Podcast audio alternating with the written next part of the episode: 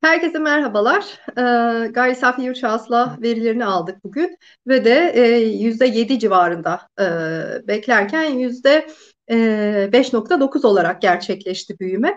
Beklenenin altında piyasa beklentisi de %7 civarındaydı. O yüzden hani beklenenin altında diyebiliriz ama kendi içine baktığımız zaman oldukça kuvvetli bir büyüme tabii 5.9.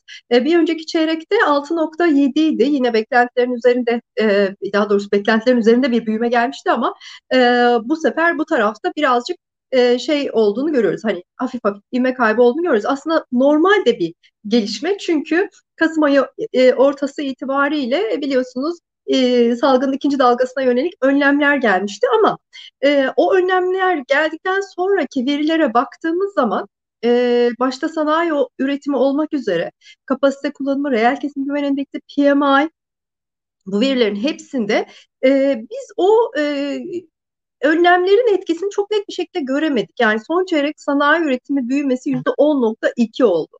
Dolayısıyla e, biraz şaşırttı. Yani e, beklentilerin hani gerçekleşmeden sapmasının ardındaki ana neden bu diyebiliriz. Verilerin detayına baktığımız zaman da harcamalar ve üretim tarafından bakıyoruz biliyorsunuz. Her iki e, kategoride de baktığımızda inşaatın belirleyici olduğunu görüyoruz. Beklenenin altında kalan e, gayri safi yurt içi hasıla büyümesinde. Yoksa diğer e, kalemlere baktığımızda özellikle de makine ve teçhizat üretiminde yüzde 38.7'lik çok çok büyük bir artış var. Biz bu kalemi çok önemsiyoruz. E, yatırımlar altında, gayri safi sabit sermaye yatırımları altında çok önemsiyoruz. Bunun nedeni e, önümüzdeki dönemin e, yatırım e, beklentisini oluşturuyor. Yüksek olması önümüzdeki dönem yani makine teçhizata yatırım yapılıyor olması önümüzdeki dönemde bir yatırım e, hazırlığı içinde olduğunu gösteriyor imalat sektörünün, imalat sanayinin. E, bu biraz şaşırtıcı bir gelişme. Ancak e, bir önceki dönemde, bir önceki çeyrekte de 22.3'tü bu arada. Yine çok kuvvetliydi. E, böyle bir dönemde bu kadar ciddi bir yatırım inmesi biraz şüpheyle karşılaşmıştık ama üçüncü çeyrekte görünce son çeyrekte de devam ettiğinde ve de reel sektör temsilcilerinin e, açıklamalarını dinlediğimizde hakikaten bir e, yatırım e, isteği, e, bir yatırım hazırlığı var e, Türkiye'de. Bunun yansıması olarak da e, genele yayılmış bir yavaşlamadan bahsedemiyoruz. E, dış dış talep tarafına baktığımız zaman da Yine e, ihracatla ithalat arasındaki farka baktığımız zaman o farkın ihracat lehine kapandığını yani dış talebin katkısının daha yüksek olduğunu, üçüncü çeyreğe nazaran daha yüksek olduğunu görüyoruz. E, ama hani inş, dediğim gibi inşaat yatırımlarına baktığımız zaman da yüzde 14.7'lik bir daralma var geçti, geçen senenin aynı çeyreğine göre 3. çeyrekte 13.8'lik bir artış olmuştu. O taraftaki e, zayıflık belli ki aşağıya çekmiş vaziyette. Sektörler bazında baktığımız zamansa e, iktisadi faaliyet bazında yani tarım sanayi hizmetler tarafına baktığımız zaman da e, aslında hizmet sektörünü daha çok e, biliyorsunuz vurdu pandemiye döne, yönelik e, önlemler. Ona rağmen hizmet sektörünün genelinde de bir önceki çeyreğe göre e, ciddi diyebileceğimiz bir yavaşlama görmüyoruz. E, burada birazcık birkaç tane sektöre bakacak olursak hizmetler diye adlandırdığı TÜİK'in ama içerisinde e, bizim en önemli sektörler dediğimiz bu ulaştırma, e, haberleşme, konaklama sektörlerinin yer aldığı kategori. Üçüncü çeyrekte 0.1 büyürken son çeyrekte 4.6'lık bir büyüme göstermiş. En çok etkilenen sektörler dediğimiz sektörler.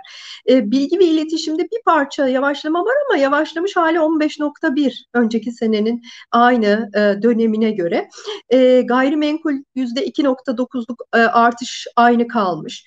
E, meslek idari ve destek hizmetleri 6.7 daralmışken 3. çeyrekte son çeyrekte değişmemiş. Sıfır, sıfır yani değişimi. Dolayısıyla bir iyileşmeye işaret ediyor daralmadan aradan çıkmış gibi görünüyor. Kamu tarafının katkısı yüksek olmuş. 2.4 büyürken 6.2 büyümüş. Kamu yönetimi, eğitim, sağlık gibi sektörler.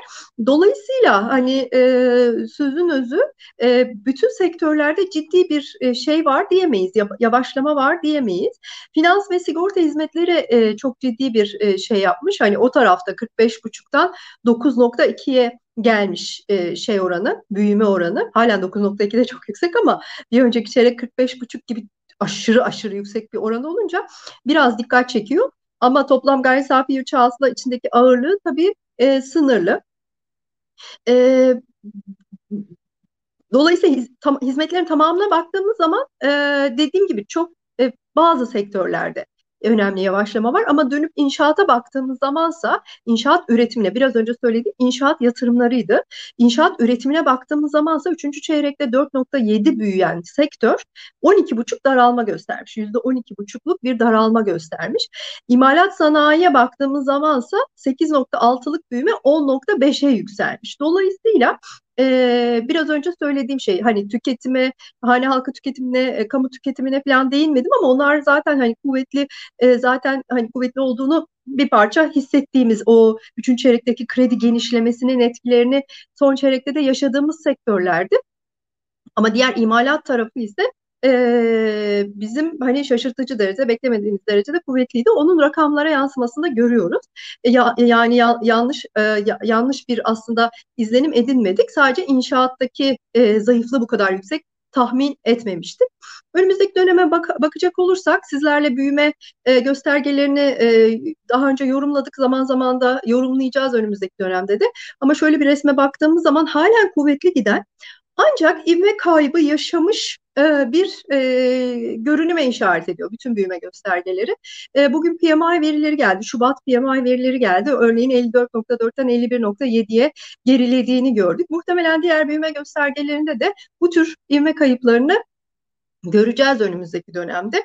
5.9'un muhtemelen altında ama yine de kuvvetli bir büyümeyle karşılaşacağız gibi görünüyor. Son olarak kapatmadan yıllık büyümeye bir bakmak gerekirse %2'nin üzerinde olmasını bekliyorduk. %1.8'de kaldı. 2019 büyümesi 0.9'du. Dolayısıyla teşviklerin ne kadar etkili olduğunu e, görüyoruz burada. Çünkü pandemi gibi bir yılda bir önceki seneye göre kuvvetlenmiş bir ekonomik büyüme görüyoruz 2020 itibariyle.